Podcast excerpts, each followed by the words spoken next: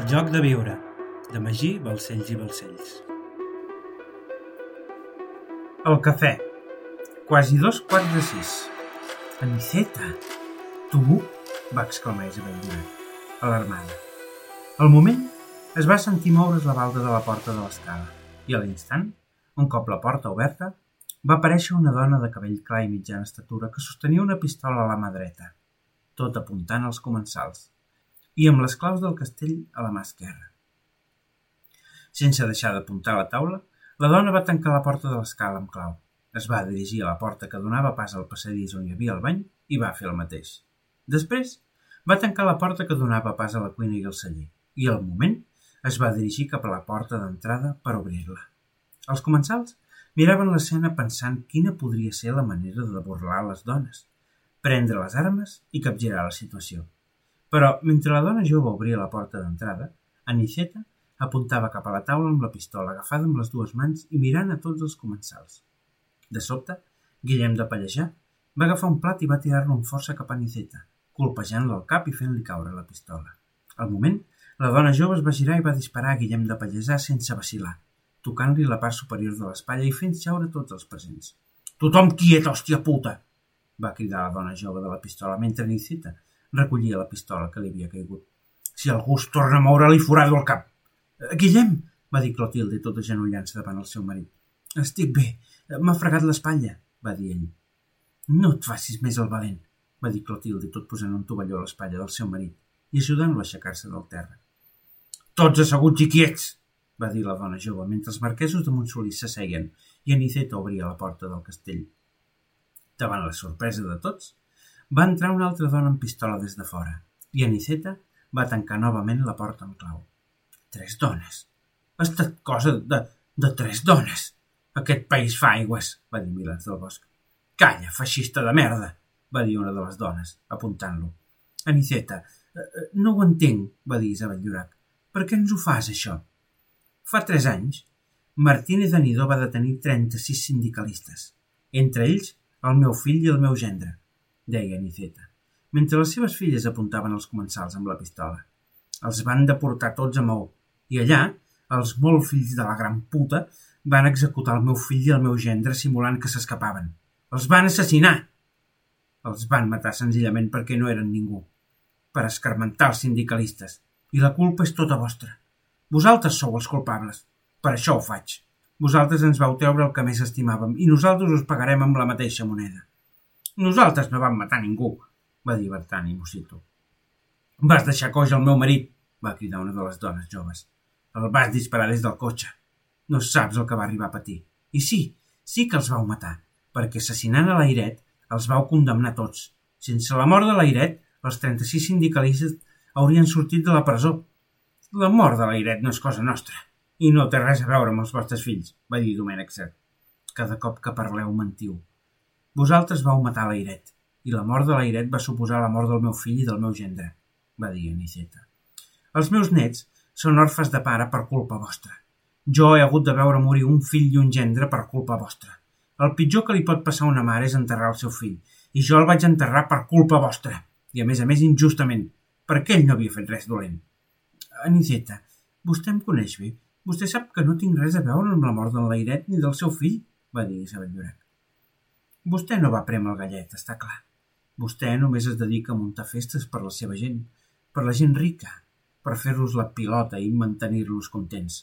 S'envolten en el luxe i no fan res per canviar aquesta Espanya podrida. Es tanquen en els seus luxosos salons i giren l'esquena a la realitat. Es fan rialles i somriures i procuren ser educats, quan en realitat tots vostès saben que per darrere pressionen, extorsionen i assassinen a qui faci falta per complir la seva voluntat i mantenir els seus privilegis. Vostè és tan còmplice com els que van disparar, va dir Aniceta. L'assassinat de l'Airet no tenia res a veure amb la mort del seu fill i del seu gendre. Són coses diferents, va dir Milans del Bosc. Mercè Micó, la dona de Lluís Companys, esperava l'Airet al carrer per anar a impedir la deportació dels detinguts. L'Airet era l'advocat de la CNT i tenia un pla perquè no els portessin a Menorca, va dir una de les dones joves. Sense la deportació seguirien vius i la deportació es va produir perquè vostès van assassinar l'Airet. Nosaltres no vam matar l'Airet, va dir Bertani Mosito. Ah, no? va dir Aniceta. Aquella tarda feia fred. Molt fred. Era una tarda glaçada. Eren les sis i ja era fosc. Però, sorprenentment, els llums dels fanals encesos que parpellejaven es van apagar per deixar en la penombra el tram baix del carrer Balmes. Quina casualitat, no? Una avaria molt pertinent. Per no parlar de les patrulles policials, que sorprenentment es van enretirar d'aquella zona. També per casualitat? L'alcalde de Barcelona, de la Lliga, i Martínez Anido els van aplanar el terreny i vostès, de la mà del sindicat lliure, van pagar per assassinar Francesc Lairet. Francesc Lairet va sortir del replà de casa seva ajudat per unes crosses i el seu assistent, i mentre es dirigia cap a Mercè Micó, quatre pistolers el van cosir a trets. Tots sabem que els assassins eren membres del Sindicat Lliure, un sindicat que van crear vostès i que van posar al servei de Martínez Anido, va dir una de les dones joves. I sabem també que Matías Muntades va pagar 40.000 pessetes als assassins, diners sufragats per molts dels que sou aquí presents. La mort de l'Airet no va tenir res a veure amb els 36 detinguts. Va ser un mal necessari, va dir un dels comensals, sincerant-se.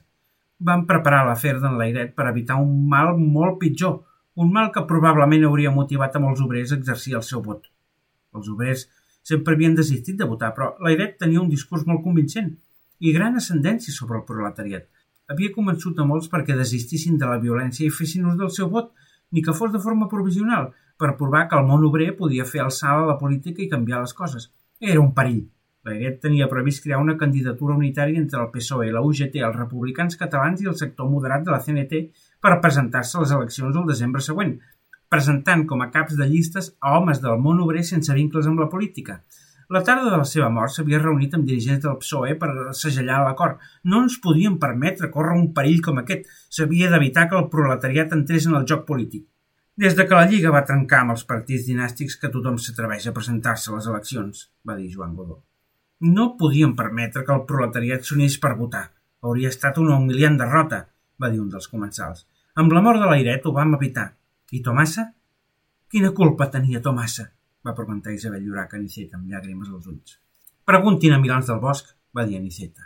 El senyor Milans del Bosc va dimitir el febrer del 20, però a la pràctica va seguir exercint com si fos el capità general. I no li tinguin tanta llàstima a Tomassa, senyora Isabel, perquè vostè l'enganyava més que ningú. Es seguia drogant a esquena seva i exercia com a confident de tot el que passava a la casa Llorac. Com dius? va dir Isabel Llorac. Coneixia bé a Tomassa, va dir Aniceta. Per sort ell a mi no.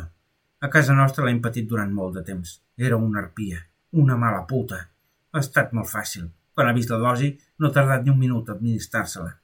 Heu matat a una persona, va dir Isabel Llorac. S'ha punxat ella sola, va dir una de les filles. Cada cop que heu anat al lavabo, ella ha anat a netejar-lo i de pas a mirar si algú s'havia deixat l'estuig per punxar-se.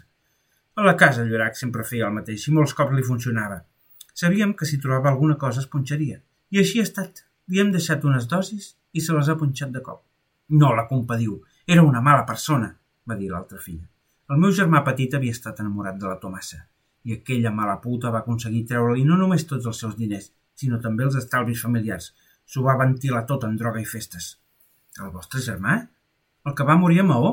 va preguntar Lluís Llorat. No, el nostre germà petit encara és viu, va contestar l'altra de les germanes Puiggenet i Seca. El cas és que, amb els estalvis perduts, el nostre pare va morir d'un atac de cor i ho vam perdre tot. A més a més, poc temps després, el senyor Milans del Bosc, que tenia comprada les confidències de la noia, això és fals, va dir Milans del Bosc. El senyor Milans del Bosc, va prosseguir la noia, alçant la veu, va aconseguir que Tomassa li digués exactament, a través de la informació que li treia el meu germà petit, la localització exacta de 36 homes de la CNT que Martínez Anido va detenir. I no només això, sinó que va ser també Tomassa qui va proporcionar la informació del lloc i l'hora exacta on podien trobar el senyor Lairet. Fals! Fals! va cridar Milans del Bosc. Faci el favor de callar o li rebento el cap, feixista de merda fastigós, va cridar una de les noies, tot apuntant-lo. No és fals, va dir Aniceta. Tomàs ho va explicar al meu fill petit el dia que van executar el meu fill a Maó, víctima de la seva culpabilitat. Des d'aquell dia que vaig fer tot el que estava al meu abast per entrar a treballar a la casa Llorac i venjar-me algun dia. Però vostè i Tomassa es coneixien? va preguntar Isabel Llorac, confusa. Jo a ella sí, però ella a mi no. Ella no havia vingut mai a casa nostra. Ella només sabia que jo em deia Aniceta, però quantes Anicetes hi ha a Barcelona? A més a més, a la casa Llorac la vaig tractar com si fos una filla meva. Mai va desconfiar. Està bé, Aniceta, va dir Milans del Bosc. Ho entenem. Ara ja s'ha venjat, però, per favor, deixi el meu fill en pau i deixin sortir d'aquí. Sí, home, sí, va dir Aniceta. Això és només el primer plat. El seu fill morirà. I tots els primogènits dels matrimonis que són aquí, també. No! van cridar diverses dones a l'instant. Els deixarem aquí tancats i els vostres fills moriran en unes hores. A veure si aprenen d'una vegada a tractar amb respecte a la classe obrera i deixen d'esputar-nos, va dir una de les noies mentre l'altra obria la porta d'entrada. Algú encara dubta que si sortim vius d'aquí, Primo de Rivera ha de prendre el control de la situació, va dir Milans del Bosc a la resta dels comensals. Primo de Rivera necessita saltar un deute de joc per poder fer el cop amb èxit i que ningú posi en dubte la seva exemplaritat, va dir Paco. Jo li pago, va dir el comte de Güell a l'instant. No hi haurà problema. Trobarem els diners, va dir Lluís Ferrer Vidal. Jo li pago? És que no ho enteneu. No hi haurà un demà. Deixeu de conspirar, desgraciats. Foteu pena, va dir Aniceta, apuntant a la taula mentre les seves filles entraven en una caixa de fusta. Els vostres dies de glòria han acabat. Què cony és això? va dir Paco de Mercader en referència a la caixa. És un rus d'abelles, va dir Edith de llaurador. Sí, senyora, va dir Aniceta. En una colònia d'abelles, quan les obreres detecten que la reina s'ha aparellat amb més d'un mascle, el maten. És el cas d'aquest rusc. I quan no hi ha reina, les obreres estan més enfurismades que mai. En breus instants seran capaços de veure el poder de les obreres. Però es pot saber què fan aquestes dones? va dir Milans del Bosc, sorprès i espantat. Els comensals miraven les portes, aterrats, sabent que estaven totes tancades i que, per tant, no tenien escapatòria. Aniceta va sortir del castell per la porta principal, mentre una de les seves filles ajustava la porta i l'altra treia molt delicadament la corda que lligava la tapa del rusc. Ja amb la corda fora, la noia va colpejar el rusc amb el peu i aquest es va volcar, obrint-se la tapa i sentint-se un gran bronzit. La noia es va posar darrere la porta ajustada i va disparar el cul del rusc diverses vegades.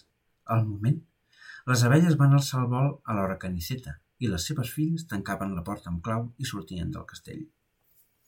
Sense pensar-ho, els comensals es van posar sota la taula per amagar-se, però les abelles volaven per cada racó de la sala fins que...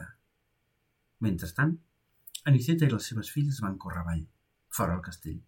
El van rodejar per la part del jardí i van anar a buscar un camí que quedava amagat entre dos marges de pedra, per sota el clot de l'era. On ens espera? va preguntar Aniceta. Hem de seguir recte per aquest camí fins a trobar el camí de Pontils. Allà ens espera un cotxe de color negre, va dir una de les filles. Mare, això que has dit que tots els seus fills moriran no és cert, no? va preguntar una de les filles. No, clar que no, va respondre Niceta. Era per espantar-los. I, I el dit del senyoret Milàs del Bosc? D'on l'has tret? No deu ser el seu dit, no? va preguntar l'altra filla. El benefactor em va dir que el dit l'aconseguiria d'una persona morta i que el senyoret Milans del Bosc no li passaria res, va dir Aniceta. L'anell li van robar fa uns dies, eh, no sé com, però resulta evident que era del senyoret Milans del Bosc. Mira, el cotxe, va dir una de les filles, assenyalant-lo a la llunyania. Arribant ja a les proximitats del cotxe, de sobte, van veure que s'obria la porta i en sortia un home alt i corpulent, vestit amb americana i barret, que es va acostar i va dir «Aniceta?» «Tot ha sortit com havia de sortir», va dir Aniceta, seguint les instruccions del benefactore. Perfecte, va respondre ell. Pugin al cotxe. Les portaré fins a França. Per l'accent, les tres dones van entendre que aquell home era d'origen estranger. Sou el benefactore? va preguntar Aniceta. No, em dic Carl. Treballo per ell. Tenen gana? Els he portat uns entrepans, aigua fresca i vi, si ho desitgen, va dir l'home obrint la porta posterior del cotxe. És estranger? va preguntar una de les filles. Alemany, va respondre ell. Però ja fa nou anys que visc a Barcelona. Jo i el benefactor ens vam conèixer fa molt temps al paral·lel i des de llavors treballo per ell. Parles molt bé el català? va dir una de les filles. Gràcies, va dir ell. Hauríem de marxar. Aquí correm perill. Entrem al cotxe i seguim parlant mentre mengem uns deliciosos entrepans de pernil. Què me'n diuen? Les dones van assentir i van entrar tots al cotxe. Carla al davant i elles al darrere. Ha anat tot sobre el previst? va preguntar Carl. Eh, sí, hem seguit escrupolosament el guió, va dir una de les filles. Només hem canviat el final. El final? va dir Carl. Eh, què voleu dir? Eh, els hem tancat al castell amb un rus d'abelles enfurismat, va dir Aniceta. Com? Eh, això no és el que estava previst, va dir Carl amb un punt de preocupació. Eh, no els passarà res, Unes quantes picades i ja està, va dir una de les filles. Esperem que així sigui, va respondre. Disculpi, Carl, va dir Aniceta. Tinc curiositat. Com sabia el benefactore que jo volia venjar-me d'aquesta gent? El benefactore és un home amb contactes i amb molta informació al seu abast, va respondre Carl. Ell també estava molt interessat en organitzar el que ha passat avui al castell i, i quan va conèixer la seva situació, el que li havia passat al seu fill i al seu gendre, va entendre que vostè i les seves filles el podrien ajudar. Eh, per aquest motiu recompensarà amb la prestació que havien acordat i els facilitarà una casa a França i documentació falsa perquè vostès puguin continuar fent vida normal. Eh, per cert, han portat l'anell? Eh, l'anell? va dir Niceta. No sabia que havíem de retornar l'anell. Clar, el benefactor vol recuperar l'anell del seu amic. Com? Del seu amic, va dir una de les filles. Eh, sí, del seu amic, va dir Carl, girant-se cap als seients de darrere amb una pistola a la mà. Les filles van intentar obrir les portes, però estaven tancades. Aniceta va mirar Carl, es van passar la saliva i Carl, després de somriure, va dir «Bon viatge». El joc de viure, de Magí, Balcells i Balcells.